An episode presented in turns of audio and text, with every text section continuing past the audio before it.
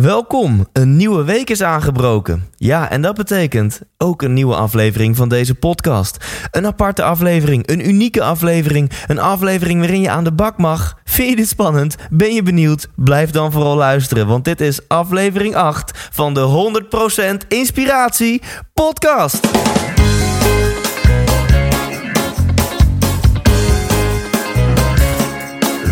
Hey, wat goed dat je luistert.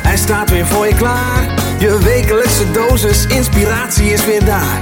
De allerleukste gasten geven al hun kennis prijs. Met je veel te blije host, hij praat je bij. Zijn naam is. Thijs, Thijs,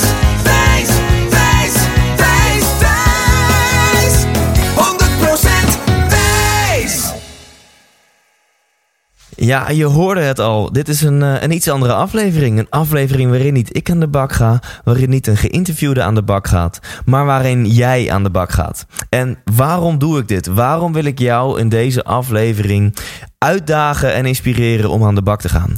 Nou, dat is vrij simpel. Dat is omdat helaas blijkt dat na een inspirerend inzicht, na iets gehoord te hebben waarvan jij weet: hier moet ik mee aan de slag, dit kan mijn leven positief eh, beïnvloeden. Dat slechts 15% van de mensen daar werkelijk wat mee doet. Ik zal het nog een keer zeggen. Dus een gemiddeld mens, nadat hij of zij iets heeft gehoord, wat zijn of haar leven positief zal beïnvloeden, en je bent er 100% zeker van, Slechts 15% doet dat. Nou, en dat maakt ons mensen een beetje aparte wezens, uh, volgens mij. Maar ik herken het. Dan lees ik een boek en dan um, kom ik op een inzicht, kom ik op een pagina waarvan ik weet: wow, oké, dit moet ik. Ik moet nu niet verder lezen. Dit moet ik even opschrijven. Hier zou ik wat mee moeten doen. En heel vaak denk ik dan ook: ja, maar heb ik helemaal geen zin in. Heb ik helemaal geen zin in. Ik zit nu lekker op de bank. Laat me gewoon even lekker lezen. En soms doe ik het dan dus ook niet. Maar dan weet ik ook dat er niks gaat veranderen in mijn leven. En soms zet ik wel even dat boek op pauze, hè, voor zover dat kan. En pak ik een papiertje erbij of mijn laptop. Schrijf ik dingen op. Plan ik nieuwe acties in. Die voer ik uit. En binnen een paar weken ben ik weer ergens gekomen waar ik daarvoor alleen maar van droomde. Of wat daarvoor nog een wens was. En dat vind ik zo mooi aan het leven. Om te blijven groeien. Om jezelf te blijven uitdagen. Om nieuwe dingen te blijven doen. En ik ben er ook van overtuigd. Als je dat doet, dan gaat het leven niet zo snel aan je voorbij. Dan is het leven een kick-ass achtbaan. Waarin je mooie dingen doet en continu blijft groeien. En waarin je je levendig voelt. Waarin je intens leeft. Dus in deze aflevering ga ik met je, uh, ja, ga ik je meenemen Langs een aantal oefeningen. Je zou het een workshopje kunnen noemen. Uh, en dat doe ik dus om jou uit te dagen om echt aan de slag te gaan. Want tot nu toe heb je geluisterd naar inspirerende interviews. Althans, ik persoonlijk vond ze heel inspirerend. Um, en mogelijk heb je af en toe gedacht: hey, dat is interessant. Daar zit iets in voor mij. Maar mogelijk heb je daar nog niets concreets mee gedaan. Nou, daar gaat deze podcast verandering in brengen. Ik vind die 15% niet zo leuk. Ik neem er geen genoegen mee. Dus daarom wijd ik deze uitzending aan jou. Dus zit je in de auto? Ja, zou ik je eigenlijk willen vragen: zet hem even langs de kant. Maar dat zit er denk ik niet in. Uh, doe dan gewoon die oefeningen in je hoofd. En, uh, en anders heb je de gelegenheid. Ga er even voor zitten. Pak pen en papier. En wat gaan we dan doen in deze aflevering? Een, uh, nou, een kleine sneak peek. Allereerst neem ik je mee naar een hoop inzichten over hoe het nu eigenlijk echt met je gaat. En ja, dat klinkt, dat klinkt spannend. En uh, daar ga je zo meteen achter komen. Dus misschien kom je erachter dat je, dat je leven eigenlijk. Dat je, dat je wel iets blijer en trotser mag zijn dan je dacht. En misschien kom je erachter dat je op een aantal gebieden. Uh, ja, wat werk aan de winkel hebt. Wat je misschien wel wist op een onbewust niveau. Maar wat je nog niet echt. Um, waar je nog nooit bewust bij stil had gestaan. Dus daar beginnen we mee. En daarna neem ik je mee naar iets wat uh, op mijn leven. Um, ja, echt heel veel impact heeft gehad. En dat is namelijk dat je eigenlijk alles al in je hebt. Dus naar aanleiding van die eerste oefening die we gaan doen, kom je erachter dat je al je eigen persoonlijke succesformule bezit. Want er zijn geheid een aantal gebieden waarop jij jezelf gewoon een 8 of 9 gaat scoren. En op die gebieden doe je iets. En wat nu als je die aanpak kopieert op je andere gebieden? Ik hou het nog een beetje vaag, maar uh, ik ga je zo meteen meenemen in, uh, in dit verhaal. En tot slot gaan we, nou niet tot slot, daarna gaan we kijken, is er nog een dieper niveau? Zijn er misschien gedachten in je achterhoofd, misschien onbewust, misschien op bewust niveau, die jou niet echt verder helpen? Gedachten die jou eerder tegenhouden dan uitdagen. En ehm, daarna duik ik met jou in de wonderenwereld van doelen en leefregels. Iets waar ik mijn guru, mijn held Remco Klaassen eeuwig dankbaar voor ben. En tot slot eindig ik met een aantal oer-Hollandse tips. Want ja, wij zijn toch even iets anders dan die gekke Amerikanen. Uh, om het maar even zo te zeggen. En waar ik van hou is extreem concreet, extreem praktisch, extreem to the point. Dus ik eindig met een paar uh, leuke, misschien zelfs hilarische, maar wel hele uh, waardevolle tips die je gewoon direct kunt toepassen en die, die je leven meteen al een stukje mooier maken. Ben je nieuwsgierig? Ik hoop van wel. Dus uh, ja, ik zou zeggen, zit er klaar voor op thijslindhout.nl slash 8. Dat is het cijfer 8. Daar vind je kort een samenvatting van deze aflevering. Uh, zoals ik net al zei, ik sta voor concreet, ik sta voor, voor praktisch. Dus in deze aflevering ga ik meteen to the point. Ik zal niet te veel, uh, proberen niet te veel te lullen. Um, en jou vooral uitdagen om een hele hoop oefeningen te doen. En ook ik weet dat je waarschijnlijk niet alle oefeningen gaat doen. Dat je misschien niet alles even uh, inspirerend voor je is. Maar ik durf te beloven als je ervoor gaat zitten en als je meeluistert en meedoet in deze aflevering, zitten er minimaal twee of drie inzichten in. Die als jij die uitvoert, jouw leven gewoon weer een stukje mooier gaat, uh, gaat worden. Dan tot slot nog een korte disclaimer. Ik ga echt met giga-olifanten stappen door uh, de wonderenwereld van. Ja, laat ik het maar personal development of zo noemen. Uh, ga ik heen. Uh, elk onderdeel uit, uh, uit deze aflevering. Er zijn boeken over geschreven. Daar zijn, zijn seminars over. Van dagen, misschien wel weken lang. Dus ik ga er echt met gigantische olifantenstappen doorheen. Maar ik denk dat je dat juist wel leuk vindt. Om een hele korte tijd heel veel te leren. En, en heel veel aan de slag te gaan. En ben jij al een trainer-coach? Ik weet dat veel van mijn luisteraars zelf ook een beetje in, in deze wereld zitten. Ja, dan weet ik niet of hier heel veel nieuwe dingen voor je in gaan zitten. Maar doe gewoon een keertje mee. Want soms dan weet je dingen, maar dan doe je het niet. Dus ik ga zelf ook al deze oefeningen doen. Uh, want zelf merk ik ook weer, elke keer dat ik aan de slag ga met pen en papier, met mijn eigen leven, dan groei ik weer en komen er weer mooie dingen uit. Dus um, ik hoop dat deze aflevering waardevol voor je zal zijn. 100% Oké, ik had beloofd om beknopt te zijn en dat ga ik dan ook gewoon doen. Dit eerste onderdeel wat ik met je ga behandelen, dat heet jouw Wheel of Life. En waarom is dit belangrijk om te behandelen? Dat is omdat het uiterst belangrijk en relevant is om eerst te weten waar je staat. Dit is een soort van nulmeting. Pas als jij inzicht hebt in waar jij nu op dit moment staat in jouw leven, dan pas kun je gaan bouwen om jouw leven een stukje mooier te maken en jouw mooiste leven te kunnen leven. En maak het vooral niet mooier en maak het ook niet negatiever dan het is. In dit onderdeel is het extreem belangrijk om eerlijk naar jezelf te zijn. Nog een hele belangrijke waarom. Waarom is dit zo belangrijk, je Wheel of Life? Als ik nu aan jou zou vragen, welk cijfer geef jij je leven? Dan komt daar een cijfer uit rollen. Maar zeker gezien onze maatschappij, zijn we heel snel geneigd om alleen maar te gaan kijken naar dat stukje carrière, dat stukje succes. Uh, misschien zelfs dat stukje financiën. Terwijl jouw leven natuurlijk over veel meer gebieden gaat. Daarom is dit extreem belangrijk. Wat gaan we dan doen? Ik noem een aantal gebieden van jouw leven. En um, dat zijn er acht. Dat kunnen er ook tien of twaalf zijn. Ga vooral na deze podcast aan de slag om het helemaal eigen te maken. Maar deze acht gebieden zul je in elk geval herkennen. En hoe gaan we dit doen? Ik noem het gebied. Ik geef een korte toelichting. En het belangrijkste is dat jij zo snel mogelijk vanuit je gut feeling, vanuit je intuïtie, een cijfer daaraan koppelt. En daarbij is nul of één kan niet slechter. Dat zou echt heel extreem zijn. Dat je denkt: oké, dit, is, dit is rock bottom voor mij op dit gebied. En tien is dat je precies bent waar je op dit moment zou willen zijn.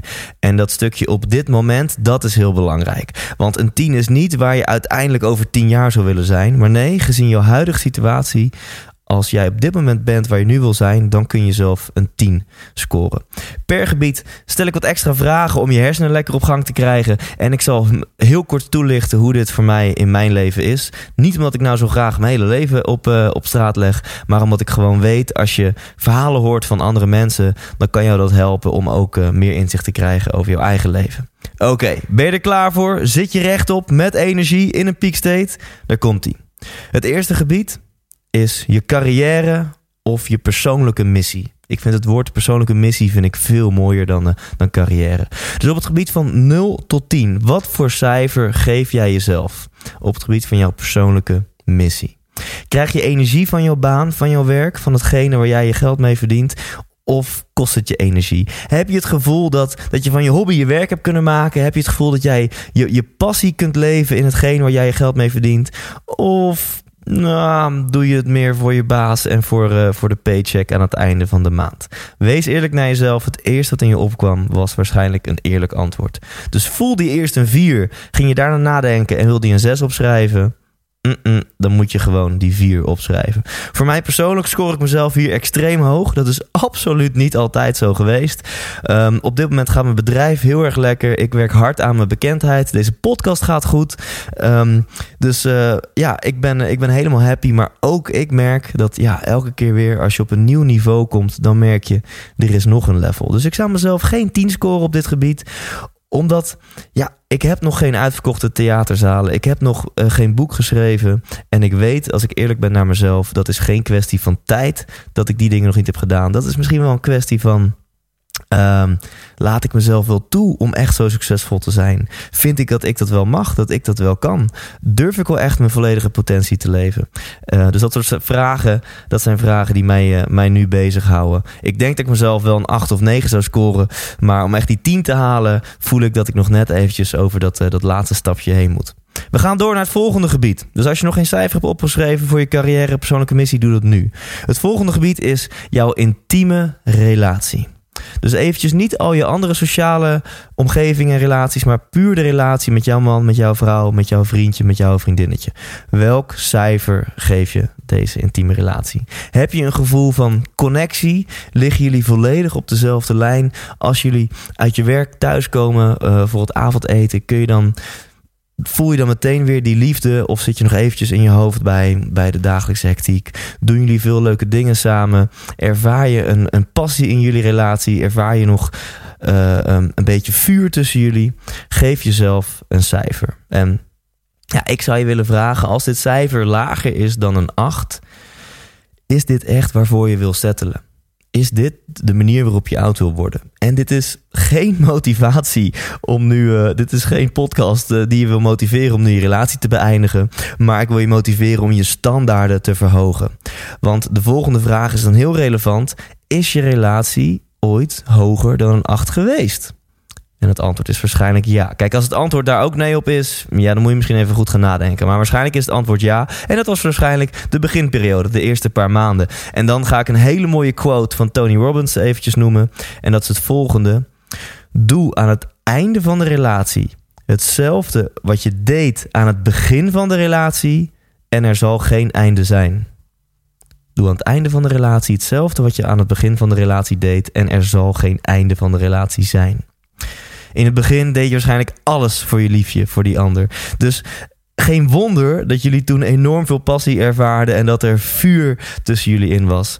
Um, dus ik wil je vragen: is dit lager dan een 8? Verhoog je standaarden en, uh, en maak er wat moois van. Ik zelf merk um, dat een tijdje geleden dat de connectie tussen mij en mijn liefje echt een stukje minder was. En om heel eerlijk te zijn, dat is sinds het eh, lanceren van deze podcast. Mijn week zat al vol. Ik was hartstikke druk met mijn bedrijven, met mijn andere dingen, mijn theatershow. En ineens duwde ik daar een podcast in uh, met een commitment van één aflevering per week. En ondanks dat die afleveringen een uurtje duren, kan ik je vertellen, het kost iets meer tijd met alles wat daar uh, achter de schermen bij komt kijken. Dus ik duwde een activiteit van één à twee dagen per week in mijn leven. En um, dat paste eigenlijk niet. Dus dat, dat zorgde ervoor dat ik later thuis kwam dan ik, dan ik plande.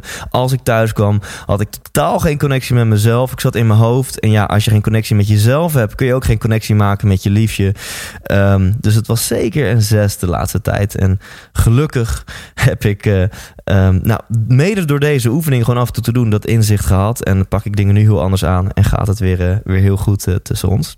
Het derde gebied is sociaal. En dit is dus alle andere ja, sociale cirkels om jou heen. Dat kan zijn je familie, je schoonfamilie, uh, je vrienden, je kennissen, je collega's, je buren, de mensen van je sportvereniging. Op het gebied van jouw sociale leven, waar scoor jij jezelf op een schaal van 0 tot 10? Heb je misschien twee avonden per week met vrienden of met vriendinnen, waarin je echt quality time met elkaar hebt, waarin je lol met elkaar maakt, waarin je voelt, uh, um, ook die connectie met elkaar voelt? Of denk je, ja, wie zijn nou eigenlijk mijn echte vrienden? En neem ik zelf wel initiatief? En wie zou ik bellen als ik een keer in moeilijke tijden zit? Beoordeel jezelf hier heel eerlijk. Voor mij persoonlijk is dit een gebied waar ik heel veel mee bezig ben geweest de laatste tijd. Want misschien herken je het wel. Ik heb heel vaak dat mensen mij vragen, mij appen, mij mailen, mij LinkedIn, mij messengeren, weet ik veel wat. Hey Thijs, we kennen elkaar van dit en dit of van vroeger of weet ik veel wat. Zullen we eens een keer een kop koffie drinken? Zullen we een keer uh, een keertje samen lunchen? Zullen we eens een keer samen dineren? En ik ben dan natuurlijk gevleid en ik zei daar altijd ja tegen. Maar wat merkte ik nu? En ja, misschien herken je dit.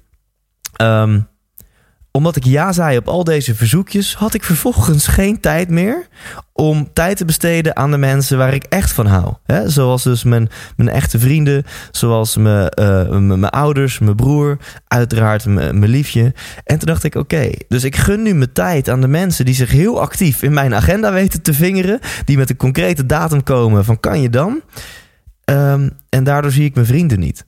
En dat is ook niet zo gek, want ik denk dat vrienden uh, je beste vrienden gaan niet zo snel bellen van hey, over drie weken, woensdagavond de 29e, zullen we dan wat leuks doen samen? Dat ontstaat vaak organisch, afspraken met vrienden. Maar mijn agenda zat zo vol dat ik geen tijd had voor die, voor die organische afspraken. Dus daar heb ik echt wat nieuwe keuzes in gemaakt. Voor mij staat op één, nou, uiteraard mijn liefje, uh, maar dat heeft al een apart gebied, want dat was uh, gebiedje drie. Dus daarnaast staat op één mijn, uh, mijn familie waar ik van hou. Op twee mijn beste vrienden. Daar heb ik hele duidelijke keuzes in gemaakt. Wie, wie zie ik nou echt als mijn goede vrienden? En dat zijn een, een stuk of vijf, zes mensen. En ik denk ook dat het niet meer dan dat kan zijn. En op drie zijn dat mijn peers. En mijn peers, daar heb ik het in aflevering vier ook over. Dat zijn mensen die ik heel bewust heb uitgekozen. Mensen die mij uitdagen, die mij stimuleren om verder te groeien, zowel op persoonlijk niveau, op spiritueel niveau en ook zeker op, op business niveau, op persoonlijke missieniveau. En, uh, en dat is zeg maar de derde categorie. En pas als deze categorieën, mijn liefje, mijn familie, mijn goede vrienden en mijn peers, als ik het idee heb dat ik daarmee genoeg tijd besteed, dat ik hun genoeg aandacht geef, dan pas maak ik ruimte voor kennissen, vage kennissen of, of weet ik veel, mensen die, ja, van die Frans Bouwertjes heb je even voor mijtjes. Mensen die zeggen, hey, zullen een keertje lunchen? Dat is best leuk, maar uh, pas als ik daar, uh, daar echt tijd voor heb. Uh, we gaan snel door. Gebied 5 alweer. Even 1, 2, 3. Sorry, gebied 4. En dat is fysiek. Je gezondheid, je vitaliteit. Je kan hem het beste samenvatten als energie. Want als jij niet gezond bent, niet vitaal bent, dan ervaar je dat waarschijnlijk in je energielevel. Dus hoe voel jij je na een dag werk? Um, als jij een keer de trap pakt in plaats van de roltrap, ben je dan al aan het hijgen? Of loop jij marathons en halve marathons en de Strongman Run en de Mud Masters, weet ik wat allemaal. Um, wat stop je allemaal in je mond? En dan heb ik het natuurlijk over voeding. Ik kan jullie Dirty Minds gewoon al, alweer horen vanaf hier. Um, geef jezelf een cijfer op het gebied van fysiek, op het gebied van energie. Ik heb een tijdje um, wilde ik aankomen, want ik wilde gespierder worden en dat lukte me maar niet. Um, en ik liep heel veel hard, dus dat, dat hielp dan ook weer niet. En ik heb een tijdje drie keer per week met een personal trainer gesport. Nou, ik kan je vertellen, als je op die manier uh, massive action neemt, dan, uh, dan merk je wel dat er het een en ander gaat veranderen aan je lichaam. Laatste tijd heb ik eerlijk gezegd een beetje lopen kutten. Dat ik een beetje op zoek ben van, nou, ik vind hardlopen leuk, ik vind krachttrainen leuk, maar ik vind avondjes op de bank ook leuk. En um, ja, je moet jezelf er toch altijd weer toe zetten. En voor mij um, is dat op dit moment um, uh, heel duidelijk. Ik sport drie keer per week, één keer met mijn personal trainer. En dat is echt, nou, daar word ik volledig uitgedaagd. Uh, in het krachthonk, zeg maar. Dan doe ik nog één keertje per week zelf naar, uh, naar Basic Fit. Een beetje aankloten. En één keer per week lekker hardlopen in het bos. Als het even kan met zonnetje. We gaan door naar gebiedje 5. En dit gebied heet je emoties. Niet geheel onbelangrijk, kan ik je vertellen. Hoe voel jij je? Wat is jouw default state of happiness? Dat wil zeggen, na een piek of na een dal, naar welk niveau van geluk, van happiness ga jij altijd weer terug? En geef jezelf een cijfer voor dit niveau. Is dat een 6? Is dat een 7? Is het misschien een 5 of een 4? Of misschien wel een 9 of hoger? Um, denk even na. Als jij, hoe, snel Word jij bijvoorbeeld geïrriteerd? Word je al helemaal zagrijnig als je vijf minuten vertraging hebt door, uh, door een stukje file? Of ben je iemand die als een vrolijk ei door het leven gaat? Maak je vrienden in de rij bij de Albert Heijn? Flirt je met de cashier en ga je fluitend weer verder met je dag? Um, wees, uh, wees eerlijk, geef jezelf een cijfer. En als je het moeilijk vindt om dit te doen, wat voor mij heel goed werkt, wat voor mij een hele goede graadmeter is, is hoe voel ik me ochtends? Ochtends als ik wakker word heb ik zo'n gevoel van, oh, fuck life. Ik heb helemaal geen zin om dingen te doen. Of uh, ben ik helemaal happy to peppy en heb ik zin om aan mijn dag te beginnen. En uh, als ik weet dat, uh, dat dat eerste bij mij het geval is, dan moet ik aan de bak. Dan is er iets, iets niet goed en dan, dan moet ik dingen gaan aanpassen. Dat kan zijn dat ik, dat ik gewoon niet goed genoeg voor mezelf zorg. Dat kan zijn dat de dingen op mijn werk niet lekker lopen. Of, of met mijn relatie. dus dat is voor mij een hele goede graadmeter. Je emoties, geef jezelf een cijfer. En ehm, dan gaan we door naar gebied 6. en dat is financieel. Ja, je wist dat die zou komen. Voor veel mensen is dit een, uh, een gevoelig onderwerp, maar is niet geheel onbelangrijk. Alle gasten die ik tot nu toe heb gehad in deze podcast, stel ik de vraag: um, geld maakt gelukkig of geld maakt ongelukkig? En tot nu toe hebben ze allemaal met een glimlach gezegd: geld maakt gelukkig of geld is uiterst comfortabel. En natuurlijk hebben ze ook een nuance aangebracht, zoals bijvoorbeeld Remco Klaassen, die zei: ja, geld is uiterst comfortabel, geld uh, uh, kan zeker gelukkig maken, maar geld kan een ongelukkig leven niet rechtzetten. Hoe scoor jij op het gebied eh, van, van geld? Heb jij, laten we zeggen, heb je aan het einde van de maand nog een mooie zak geld over? Of heb je meer andersom dat je aan het einde van je geld nog te veel maand over hebt? Dus geef jezelf hiervoor een cijfer. Ik persoonlijk scoor mezelf heel erg hoog op dit gebied. En dat is niet omdat ik nou extreem rijk ben. Maar ja, er komt meer geld binnen dan ik uitgeef. Ik kan een paar keer per jaar op vakantie gaan. Ik uh, hoef niet heel veel dingen te laten. Dus uh, uh, ik ben op dit moment 28. Voor dit moment in mijn leven ben ik extreem, voel ik me extreem gezegend met de financiële situatie die ik heb. En ik heb er ook gewoon heel hard voor gewerkt. Dus daar ben ik extreem dankbaar voor. Het volgende gebied in het Nederlands een beetje een, uh, een naar woord of zo. Dat heet contributie. In het Engels klinkt dat veel fijner, contribution. In het Nederlands contributie moet je toch waarschijnlijk meteen denken aan de, sport, de sportvereniging waar je elke maand wat geld naar over moet maken. Maar ik heb het daar niet over. Ik heb het over um, in welke mate draag jij bij aan deze wereld. Dit is een cherry on the cake gebiedje. Um, ik geloof erin dat je echt een ultiem niveau van geluk kunt bereiken als jij ook andere mensen blij maakt, als je geeft. Als jij geeft, help je niet alleen andere mensen, maar draagt het ook bij aan jouw eigen geluksniveau. Dus geef jij dingen weg aan goede doelen, geef je je tijd wel eens onvoorwaardelijk weg aan, uh, aan misschien de voedselbank of, of aan andere instanties, doe je vrijwilligerswerk. Welk cijfer score jij jezelf op het gebied van uh, van, van uh, contributie. En ik kan je vragen, ik kan je uitdagen. Als je dit nog niet doet, ga het alsjeblieft een keertje doen. Je zult verbaasd staan van wat het met jezelf doet. Om gewoon eens een keer een paar uurtjes te helpen bij die voedselbank. Om eens een keer aan te kloppen bij een verzorgde huis. En mensen een uur van jouw tijd en aandacht te geven. Die normaal gesproken nooit visite krijgen. En Ikzelf, samen met mijn goede vriend Sidney Brouwer, doe elk jaar uh, een Rocking Up Christmas actie. En dat houdt in dat wij uh, bij uh, gezinnen, bij mensen die het moeilijk hebben, die het zwaar hebben, die moeite hebben om rond te komen, die afhankelijk zijn van de voedselbank. Bij dat soort mensen bellen wij onverwachts aan met een mand vol met eten voor hun gezinssituatie. Um, dus we hebben soms te maken met een alleenstaande moeder met vijf kinderen. En dan zorgen wij ervoor dat in die mand genoeg eten zit voor een heerlijk kerstmaal. Uh, en kerstontbijt. Alles erop en eraan. Uh, champagne, biefstuk, chocolademousse. Dingen die ze normaal gesproken nooit zouden kunnen, kunnen betalen of zouden krijgen bij de voedselbank. En um, nou, daar zoeken wij trouwens ook altijd sponsoren en mensen voor. We gaan dit jaar, in 2016, gaan we naar 120 gezinnen. We willen elk jaar verdubbelen, zodat wij in 2020 2000 gezinnen blij kunnen maken.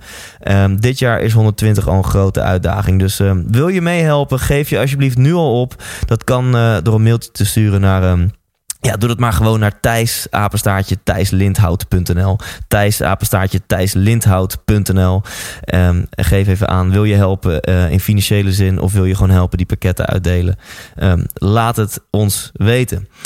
Dit was contributie. Uh, als laatste in dit gebiedje heb ik volledig zelf verzonnen. Die heb ik nog nooit eerder gezien bij deze oefeningen. En dat noem ik me-time. Gebiedje nummer 8, me-time. Waarom heb ik dit gebied erin gestopt? Omdat ik gewoon merkte, als ik op die vorige zeven gebieden mezelf focus, kon ik alsnog vaak het gevoel hebben dat ik uitgebrand, uitgeblust was. En voor mij is me-time gewoon heel erg belangrijk. Dus um, ja, laat ik maar zeggen wat dat voor mij is. En dan weet je waarschijnlijk ook wel wat dat voor jou is.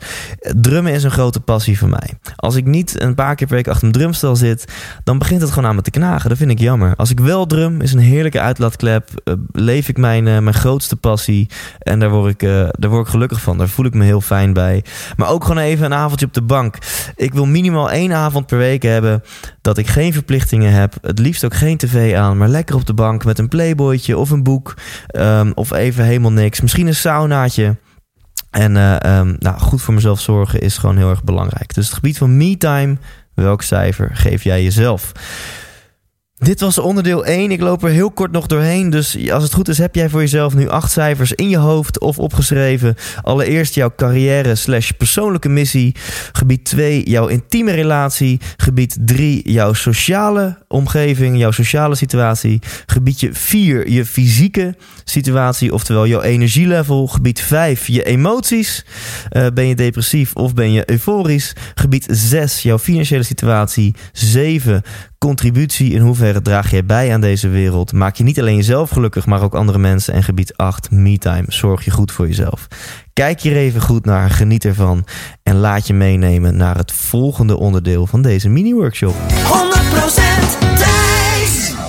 Ja, welkom bij deel 2 van dit mini-workshopje. En voor dit gedeelte gaan we kijken naar de gebieden waar je het wat minder goed doet en hoe we daar wat verbetering kunnen realiseren. En waarom gaan we dat doen? Omdat het uiteraard belangrijk is dat je leven in balans is. Is natuurlijk een woord wat we heel vaak gebruiken, maar balans is zo ontzettend belangrijk. Je kunt gewoon, als jij jezelf op het gebied van je relatie een 4 scoort, kun je dat niet rechtzetten, kun je dat niet lijmen met een focus op je carrière en dat je jezelf daar een 9 of een 10 scoort. En zeker voor een aantal mannen zal dit waarschijnlijk een herkenbare situatie zijn. Maar zo werkt het niet. Je kunt ongeluk in relatie niet lijmen of rechtzetten met geluk of succes in je carrière. Daarom is deze stap extreem belangrijk. En het mooie is, je hebt voor jezelf al die succesformule. Want kijk eens naar de cijfers. Kijk eens naar die paar gebieden waar jij jezelf extreem hoog hebt gescoord. Misschien ben je heel, heel bescheiden en is dat een 7, maar misschien vind je een 8, een 9 of een 10, of misschien wel meerdere tienen uh, tussen je lijstje staan. En ik durf te beloven dat ik weet wat jij doet op, uh, op die gebieden. Je doet namelijk drie dingen en dit zijn ze. Allereerst, je hebt extreem scherpe focus. Laser sharp focus, zoals die Amerikanen dat zeggen. Als een soort van dartboard aan de horizon weet jij precies waar die bullseye is. Voor dit gebied weet jij exact welke resultaten je wil behalen en waar je naartoe wilt. Twee, je hebt de juiste strategieën om dit te behalen. Je hebt een plan van aanpak. Je weet wat je moet doen om daar bij die bullseye te komen. En drie, je neemt actie. Je neemt waarschijnlijk moeilijk veel actie. Massive action, zoals de Amerikanen het zullen zeggen. En dit is een formule voor succes. Dus als jij, um, ik noem maar wat, je energie, je gezondheid, als je jezelf daar het hoogst hebt gescoord, dan, dan weet ik zeker, dan durf ik te, uh, um, te beweren dat je op dat gebied een hele duidelijke focus hebt. Je weet heel goed voor jezelf wat jij wil voor jouw eigen lichaam. Ik durf ook zeker te beweren dat jij een plan van aanpak hebt. Je hebt waarschijnlijk een sportschema van internet, van een personal trainer, van jezelf. En drie, je onderneemt heel veel actie. Je zit drie, vier, vijf keer per week in de sportschool. Dus kijk voor jezelf naar dit gebied. En wees ook trots op jezelf. Dat je denkt: oké, ik weet eigenlijk wel hoe ik mijn leven moet aanpakken. En vervolgens is het heel simpel. Kopieer deze methode voor de gebieden waar het wat minder goed mee gaat. En voor mij, toen ik dit voor het eerst deed, scoorde ik heel hoog op het gebied van, van uh, mijn persoonlijke carrière en mijn missie. En scoorde ik heel laag, bijvoorbeeld op het gebied van, van me-time. En dat werd zo duidelijk voor me. Want ik had een hele duidelijke focus waar ik naartoe wilde met, me, met mijn leven, met mijn carrière. Ik, ik, ik ging naar ontzettend veel seminars. Ik had alleen maar plannen van aanpakken, to-do-lijsten. En het enige wat ik deed was moeilijk veel actie nemen om daar dichterbij te komen. Op het gebied van me-time had ik nul focus. Nul uh, uh, focus waar ik naartoe wilde, hoe ik voor mezelf wil zorgen. Totaal geen, geen plan van aanpak. En daar ondernam ik ook geen actie. Vind je het gek dat ik mezelf op dat gebied toen gewoon een 2 of een 3 uh, gaf? En um, ik zou het hierbij kunnen laten, maar nog heel kort vind ik het leuk om nog een niveautje dieper te gaan. Want het is misschien nog een beetje vaag. Dat je nu denkt: oké, Thijs, ik moet focus hebben, ik moet een plan hebben en ik moet het uitvoeren. Kan het niet wat concreter? Alle drie loop ik ze even langs en maak ik ze nog concreter voor je. Het beste wat jij kunt doen om focus te hebben op een bepaald gebied is door het uit te werken in een vision board. Een vision board zijn plaatjes die je bij elkaar zoekt, googelt, knipt en plakt de tijdschriften, maakt niet uit, die voor jou uh, visueel weergeven waar jij naartoe wilt. En sterker nog, je kunt één vision board maken voor je hele leven. Dus waarin je plaatjes verwerkt, waarin je jouw visie verwerkt, niet alleen voor één gebied, maar voor al die acht gebieden van je leven. En als je dat vision board ophangt op je kantoor, in jouw slaapkamer of waar dan ook en er elke dag naar kijkt, dan heb je gratis en voor niets heb jij die ijzerscherpe focus. Zo werkt je lichaam, zo werken je hersenen, zo werkt je onderbewuste. Um, en als je nu denkt, ja, maar ik weet nog niet zo goed wat dan mijn visie is, waar ik naartoe wil. Ja, dan moet er nog even één stapje terug, een stapje van introspectie. Dan moet je gaan ontdekken waar jij energie van krijgt, waar jij naartoe wilt. En um, dan zou ik je de energiekompasmethode van Remco Klaassen kunnen aanraden. En ja, je merkt het al, ik ga met olifanten stappen hier doorheen. Maar uh, ja, daar heb je om gevraagd, dus uh, dat ga ik ook doen. Um, Energiekompasmethode houdt heel simpel in. Stop een briefje in je kontzak twee of drie weken lang en houd continu bij of hetgene wat je aan het doen bent, of jou dat energie geeft of energie kost. Ik zal wel kleine dingetjes, boodschappen doen, dat ene gesprek met die collega, maar als ook grote dingen. Dat potje squashen of een avondje op de bank met mijn meisje. Houd bij alles wat je aan het doen bent, houd op het lijstje bij. Oké, kost het energie of levert het me energie op? Na twee, drie weken heb je heel veel inzicht in, in jou, in ecologie, in de persoon jij. En dan kun je waarschijnlijk aan de slag gaan met... Uh, oké, ik merk dat ik hier en hier heel veel energie van krijg. Die ene meeting vond ik super tof, want dat ging over projectmanagement... en daar hou ik van om overview te hebben of het ik veel wat. En dan kun je, ja, dan kun je aan de slag gaan met zo'n vision board... en dan heb je je laser sharp focus. Stap 2, um, ehm, dat is je plan van aanpak. Dat klinkt niet zo sexy. Hoe, hoe, hoe kom je daar nou aan? Nou, dan zou ik je willen vragen... Um, als je eenmaal weet waar je naartoe wilt, dan kun je op zoek gaan naar rolmodellen. Dan kun je misschien autobiografieën gaan lezen van mensen die daar al zijn. Of het nu een sporter, of een entertainer, of een businessman, of, of vrouw, of wat dan ook is. Dus die strategieën, als je zelf niet weet hoe je daar moet komen, zoek rolmodellen.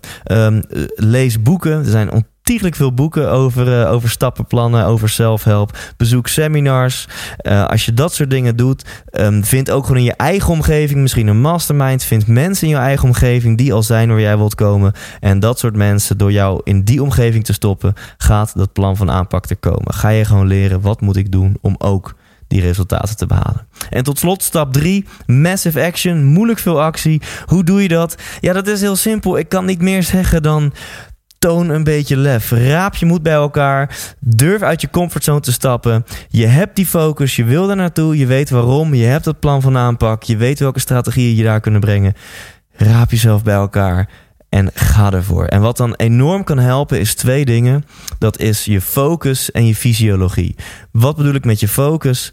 Als um, dit gebied voor jou je lichaam was, je hebt nu een plan om, uh, om meer in shape te komen je hebt ook die visie. Waarschijnlijk op het moment dat je naar de sportschool zou gaan, ja, ervaar je ineens dat je er niet zoveel zin in hebt. Maar op dat moment helpt het zo enorm om je focus te veranderen en om je fysiologie te veranderen. Met je focus bedoel ik, focus je niet op wat je moet doen. Focus je niet op, oh, moet ik weer naar die sportschool en die gewichten hangen, helemaal geen zin in. Maar focus je op het eindresultaat. Waar doe je het voor? Je hersenen kunnen enorm veel motivatie opbrengen, enorm veel discipline opbrengen als jij je focus op het eindresultaat. Als jij jezelf daar ziet liggen van de zomer op dat strand met die sixpack, met die bikini body die je wil en dan uh, verandert er al iets op biochemisch niveau met jouw lichaam, waardoor je er waarschijnlijk wel zin in krijgt. Oh, ik word gebeld. Zo, die klik ik even weg. Um, en fysiologie is nog veel belangrijker. De manier waarop jij jouw lichaam beweegt bepaalt waarschijnlijk jouw energie en jouw emoties. Dus dus een concrete tip: op zo'n moment sta op, ga een paar keer springen, trek een paar sprintjes en dat helpt enorm. Voordat ik een spannend telefoontje moet doen, doe ik dat altijd. We hebben een trampoline op kantoor, daar spring ik een paar keer. Ik zie voor me waar ik met mijn leven naartoe wil. Dat geeft me energie, dat geeft me motivatie. Misschien trek ik een paar sprintjes en daarna pak ik die telefoon en ga ik bellen. Dan ben ik veel meer in staat, letterlijk, om, uh, om dat gesprek te doen. Dus deze drie dingen kunnen jou absoluut helpen. Denk voor jezelf na, wat is nu het nummer één gebied dat ik aan wil pakken? En hoe kan ik deze drie dingen, focus, een strategie en moeilijk voor actie, hoe kan ik die hierop toepassen? 100% En dan zijn we nu beland bij het derde onderdeel van deze mini-workshop. En ja, we gaan een laagje dieper. Ja, of je dat nou wil of niet, dat gaan we doen. En we gaan het namelijk hebben over overtuigingen. En waarom is het nou zo belangrijk om het daarover te hebben? Dat is omdat als jij op de oppervlakte blijft, als jij op gedragsniveau uh, kritisch blijft kijken naar je leven en jezelf probeert aan te passen, dan kan het zomaar zijn dat je toch elke keer weer tegen diezelfde steen aanloopt. En dat komt, dat zou dan kunnen komen omdat er op, omdat daar op een dieper niveau een bepaalde overtuiging in jouw systeem zit. Een overtuiging waar je niet echt op zit te wachten, die jou niet dient in het leven, die er zeker niet voor gaat zorgen dat jij sneller en makkelijker je dromen gaat realiseren. En ja, ik weet dat als je nu als coach of trainer luistert, dan denk je: Thijs, ga je nu in een paar minuten het concept van overtuigingen uitleggen? Um, ja, fuck it, dat ga ik doen. En ik weet ook wel dat je waarschijnlijk niet tijdens deze podcast meteen je overtuigingen aan kunt passen. Maar als je hier nog niet bekend mee bent, wil ik je even laten kennismaken met deze wondere wereld. En als je net als ik zo gemotiveerd bent om altijd naar het volgende stapje in je leven te gaan, dan weet ik zeker dat jij hiermee aan de slag gaat en dat je op zoek gaat naar nieuwe overtuigingen die jou meer dienen. Oké, overtuigingen zijn dus belangrijk, maar wat, wat is het nou eigenlijk? Dat zijn bepaalde gedachten, ideeën over hoe jij over jezelf denkt, die je waarschijnlijk niet bewust hebt gekozen. Die zijn in jouw systeem terechtgekomen door, door schade en schande, door het leven, door dingen die je hebt meegemaakt, door je omgeving, misschien zelfs door trauma's, door negatieve ervaringen. En we hebben het nu dan ook over negatieve overtuigingen, beperkende overtuigingen. Dit zit niet op bewust niveau. Waarschijnlijk moet je ook even diep graven als je ze voor jezelf boven water wil krijgen, maar ze bepalen wel jouw dagelijkse dagelijkse acties en kunnen jou dus tegenhouden in het leven van je dromenleven. Nou, dat willen we niet. We willen intens leven. Dus hoe, hoe kan je overtuigingen hoe kan je dat nou aanpakken? Nou, als je mijn vorige podcast hebt geluisterd, dan weet je waarschijnlijk dat ik vorige week bij Tony Robbins was, bij dat seminar.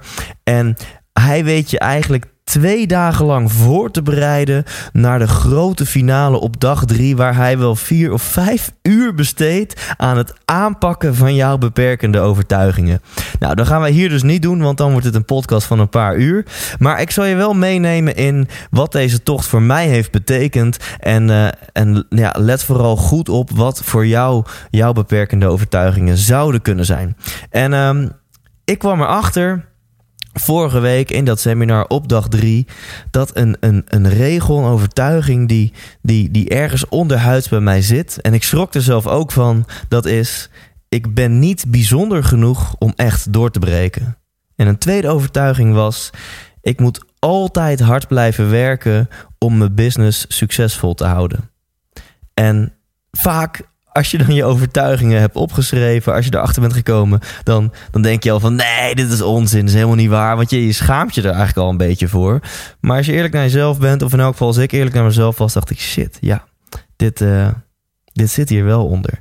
En als je voor jezelf wilt weten, wat zijn dan die beperkende overtuigingen voor mij? Wat je zou kunnen helpen, is dat je gaat nadenken over de vraag: waarom uh, lukt het me maar niet om op bepaalde gebieden een bepaald resultaat te behalen wat ik heel graag wil. Misschien wil je een bepaalde carrière switch maken. Misschien wil je dingen uh, met je lichaam aanpakken. Misschien wil je verhuizen. Een aantal dingen in je leven. Je hebt altijd wel iets waarvan je denkt: dit wil ik heel graag bereiken naar het volgende niveau. Maar ik kom er maar telkens niet. Dan zou het zomaar kunnen zijn dat daaronder ergens een beperkende overtuiging ligt. En stel dat je deze zo dadelijk hebt opgesteld voor jezelf, wat moet je daar dan mee? Want is dit de waarheid? En dan kom je erachter, nee, dit is niet de waarheid. Wat is dan wel de waarheid? En nu komt het, komt het mooie en ik ga er echt met olifantenstappen doorheen. Maar uh, ik, ik weet dat je dat waardeert en dat je dat leuk vindt. Nu komt het allermooie. De waarheid is vaak het positief tegenovergestelde. Dus laten we gaan kijken naar mijn situatie. Een overtuiging die ik nooit zelf heb gekozen, maar die blijkbaar ergens onderhuids bij mij erin was gekomen. Dat was: ik ben niet echt bijzonder genoeg om echt door te breken. En um, heel veel viel op een plek, of heel veel viel op zijn plek voor mij. Want ik dacht, ja, inderdaad, soms komen er kansen op mijn pad en bagatelliseer ik mijn eigen succes. En, en dat komt door deze overtuiging. Ik wil er vanaf. En wat blijkt? Wat is de echte waarheid? Het positief tegenovergestelde. De overtuiging die ik nu in mijn systeem heb gestopt en ik voel hem, dat is: ik ben gemaakt voor uitverkochte theaters. Nou, je merkt dat voelt heel wat anders dan ik ben niet echt bijzonder genoeg om door te breken. Ik ben gemaakt voor uitverkochte theaters. En die andere overtuiging, um, ik moet altijd hard blijven werken om mijn business succesvol te houden. Ook op dat gebied viel alles voor mij op zijn plek. Ik zag uh, in waarom ik mijn vrienden vaak te weinig zie, waarom ik mijn meisje te weinig aandacht geef, waarom ik mijn drumstel te weinig zie, waarom ik te weinig tijd aan mezelf, aan me-time besteed, omdat ik een overtuiging heb dat ik eigenlijk fulltime op de zaak moet zijn. Ik moet altijd hard werken, overwerken, door blijven werken, mijn to-do-lijst moet af, mijn mails moeten opgeschoond zijn, die offertes moeten de deur uit, et cetera. Dat was blijkbaar mijn primaire focus, omdat daar en daarom is dit zo belangrijk, hè, dat je niet op gedragsniveau naar jezelf gaat kijken, maar dat je een laagje dieper gaat. Want op gedragsniveau kwam ik er niet uit en nu merkte ik, wow, op een laag dieper zit daar een overtuiging achter. En die nieuwe overtuiging is, ik heb alle tijd om te doen wat ik wil. En dat voelt heel anders. Ik heb alle tijd om te doen wat ik wil. En nu ineens, deze week leef ik al met deze nieuwe overtuigingen. En, um, en dat is heerlijk. Dus ga voor jezelf op zoek. Dit is wel wat, wat heavy stuff. Dit is wel de die hard stuff. Um, als je dat niet wil, als het niet fijn voelt, doe het vooral niet. Maar wil je excelleren, wil je naar een volgend niveau? Ja, dan moet je ook naar een dieper niveau van zelfreflectie. En um, dan zou ik je willen vragen Ga op zoek naar wat zijn jouw beperkende overtuigingen. Is het de waarheid? Nee, dat is het positief tegenovergestelde. En stop deze nieuwe overtuigingen in je systeem. Dan heb je ineens een, uh, een hele andere overtuiging die jouw dagelijkse acties gaat beïnvloeden. En dan gaan er mooie dingen op je pad komen. Succes! 100% we zijn aanbeland bij het ene laatste gedeelte van deze mini-workshop. En ja, sorry, het is toch weer een langere aflevering geworden dan ik wilde. Ik moet ook gewoon niet zo optimistisch zijn en uh, van mezelf realiseren dat ik nogal veel praat. Maar ja, daarom ben ik ook een podcast begonnen en ben ik uh, spreker als beroep. Um, denk eens even na. Wat is iets dat, dat alle succesvolle mensen gemeen hebben? Wat is iets dat elk succesvol persoon doet? Of het nu een sporter is, of het nu een acteur is, een business persoon, maakt niet uit. En dan is dat doelen stellen. Elk succesvol persoon stelt doelen, heeft doelen voor zichzelf gesteld. En dat is dus ook precies wat jij nu gaat doen. Waarom wat jij nu gaat doen? Waarom is doelen stellen zo belangrijk? Als je een doel stelt, zorgt dat voor focus. Dus als je teruggaat naar, uh, naar een uh, eerder gedeelte van deze aflevering, dan weet je als je iets wil bereiken op een bepaald gebied, moet je focus hebben. Het liefst zo scherp mogelijk, zo helder mogelijk, laser sharp focus. Als je een doel hebt gesteld, doet dat wat met jouw focus. Dan wil je als een soort van geleid projectiel wil je recht op je doel afgaan. Je hersenen zijn extreem goed in staat om op hun doelwit af te gaan. Zo ben je geprogrammeerd. Zo is ons brein al 2 miljoen jaar geleden geprogrammeerd. En dat systeem zit nog steeds in ons. Dus doelen stellen werkt. Maar hoe dan? Hoe stel je doelen op? Um, ik geef je een meest eenvoudige tip, want ik hou ervan om het simpel te houden. Je hebt nu al je Wheel of Life in kaart gebracht op die acht gebieden hou dan ook gewoon die acht gebieden aan bij het stellen van doelen. Dus dat houdt in dat je voor jezelf doelen kunt opstellen voor je carrière en je persoonlijke missie. Je kunt doelen opstellen voor jouw intieme relatie, voor je sociale leven, voor je gezondheid, voor je emoties, voor je financiële situatie, voor de mate waarop jij iets bijdraagt in deze wereld, contributie en voor me-time. Op die acht gebieden kun je doelen stellen. En uiteraard ben je er helemaal vrij in op welke gebieden jij wat scherpere doelen wil stellen. Ja, en verder over het doelenstelproces kan ik een hele podcast vullen. Maar ik denk dat je uh, slim en handig genoeg bent om dat, uh, om dat zelf heel goed te doen. We kennen allemaal de SMART methode. Natuurlijk moet een doel moet het meetbaar zijn. Natuurlijk moet je het zo specifiek mogelijk formuleren. Natuurlijk moet je het wegzetten tegen een tijdlijn. Uh, wat ik heel lekker vind is om one year goals te hebben. En die one year goals die koppel ik wel echt aan een tijdlijn. Want als ik het gewoon one year goals noem ja, dan blijven het altijd one-year goals. En dan over een jaar heb ik ze niet bereikt. Maar is het nog steeds een one-year goal? Als je snapt wat ik bedoel. Dus ik koppel er echt een concrete datum aan. En vaak doe ik dat, uh, ja, trouwens, tussen kerst en oud en nieuw. Dat zijn twee, drie dagen. Vind ik heerlijk. Heb je toch niks te doen. Niemand heeft iets te doen. Dan ga ik lekker zitten om mijn doelen voor het komende jaar op te stellen. En uh, nou, dan wil ik ze in dit geval in 2016 behalen. Dus dat is een vrij, vrij concrete tijdstermijn. Ga dit alsjeblieft doen. Ook als je een beetje sceptisch bent. Doelen stellen is het mooiste wat er is. Uh, je gaat merken dat je ze haalt. En het voelt zo fijn om, uh, om die doelen een keer af te kunnen strepen. Om ergens te zijn waarvan je ooit dacht van wauw, ik wou dat ik dit, ik wou dat ik dit uh, bereikt had.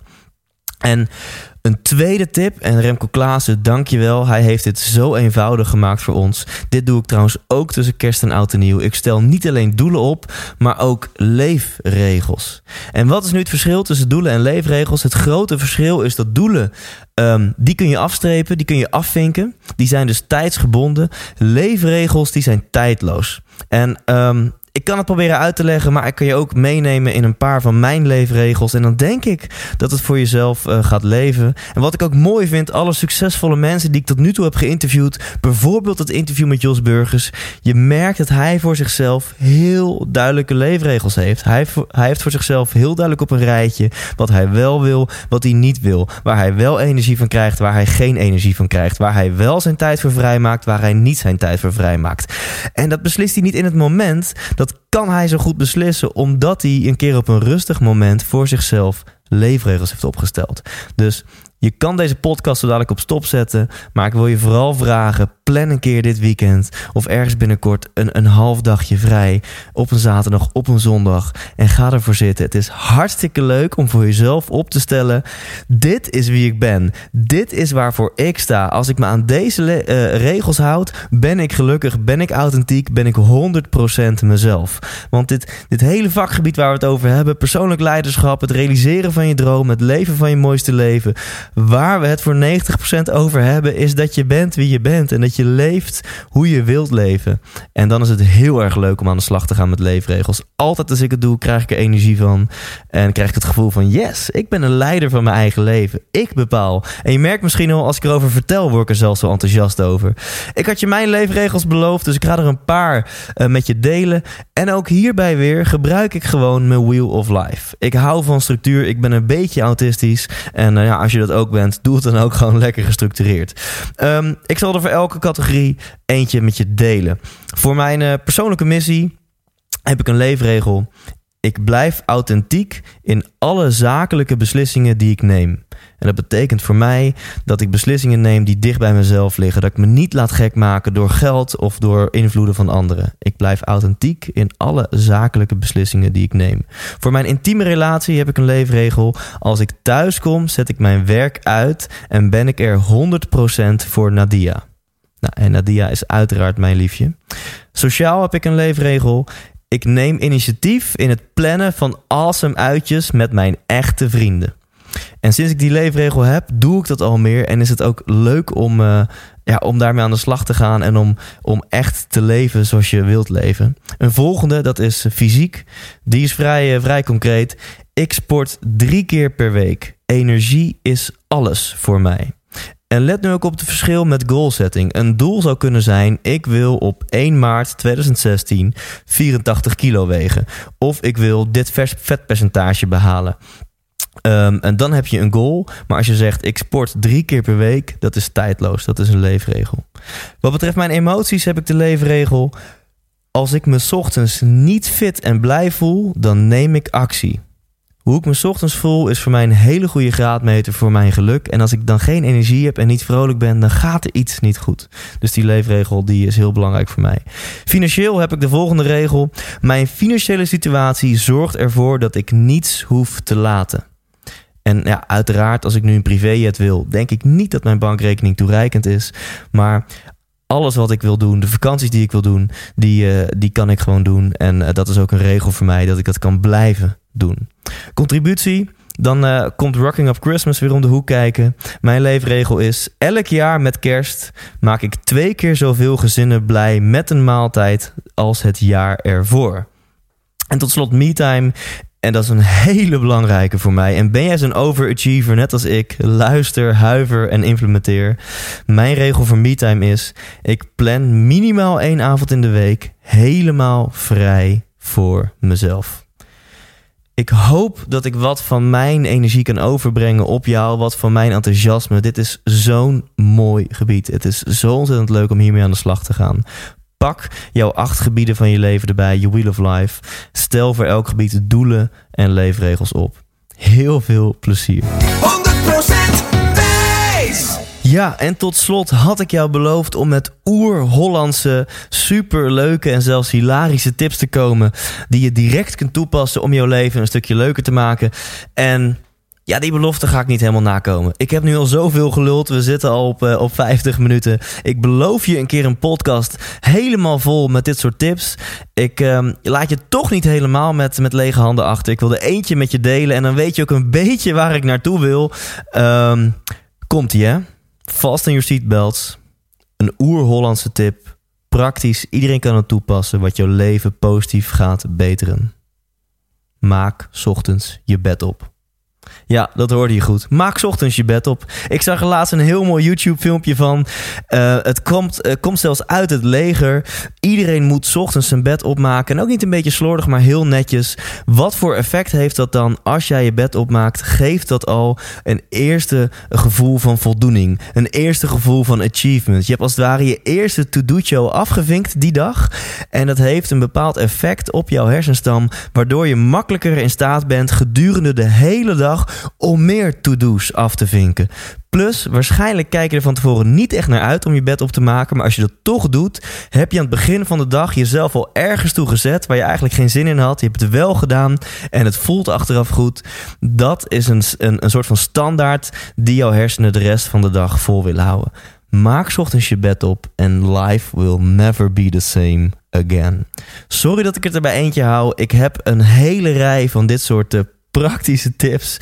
Die, uh, die vaak ook wel grappig zijn, maar ook gewoon echt werken. En daar komt een keer een hele podcast van. Maar eerst komende weken gaan we gewoon weer genieten van een aantal interviews. En dan ergens uh, ga ik een keer een podcast vullen met deze tips. 100% Ja, dit was hem dan, aflevering 8 van de 100% Inspiratie Podcast. Eventjes resume, wat hebben we geleerd? Je hebt allereerst geleerd dat jouw leven uit meerdere aspecten bestaat dan alleen maar succes of jouw carrière. Je hebt je Wheel of Life in kaart gebracht en jezelf een cijfer gegeven. Jij weet nu precies op welke gebieden je al een eindbaas bent en op welke gebieden er nog werk aan de winkel is. Vervolgens heb je geleerd hoe je jouw persoonlijke succesformule ook kunt gebruiken op die gebieden waar werk aan de winkel is. Dat doe je door middel van focus, door middel van een actieplan en door middel van gewoon van die bank komen. Moeilijk veel actie ondernemen. Daarna heb je geleerd dat er wellicht een aantal overtuigingen in jouw systeem, in jouw lichaam zijn gekropen, die jou niet echt helpen om succes te bereiken. En je hebt geleerd dat deze overtuigingen vaak bullshit zijn en dat het positief tegenovergestelde de waarheid is. En dat positief tegenovergestelde zal jou enorm dienen in het realiseren van jouw dromen. En daarna heb je geleerd dat het opstellen van doelen en leefregels enorm leuk en extreem waardevol is. Je kunt daar gewoon voor je Wheel of Life weer erbij pakken. En um, plan daar een, een weekendje of een middagje voor vrij. En je zal me later wel bedanken. Tot slot heb je één oer-Hollandse tip geleerd. Maak je bed op en life will never be the same again. Ik hoop dat je dit een leuke aflevering vond. Iets anders dan de andere. Geef me ook alsjeblieft feedback. Vertel me ook je persoonlijke verhalen als je hiermee aan de slag gaat. Wat voor effect heeft het? Wat vond je interessant? Laat dat achter op de 100% Thijs Lindhout Facebookpagina. Op Facebook check even 100% Thijs Lindhout. Ik blijf het enorm leuk vinden om jullie verhalen te horen. Dus laat alsjeblieft daar een persoonlijk berichtje achter. Volgende week ga ik weer iemand interviewen. Wie dat is, ja, dat hou ik nog eventjes geheim. Oh, voordat ik het vergeet, tot slot, wil je deze aflevering nog even nachecken? Of even checken? Check dan thijslindhout.nl slash 8. thijslindhout.nl slash 8. Volgende week interview ik een gast. En um, tot die tijd, leef intens.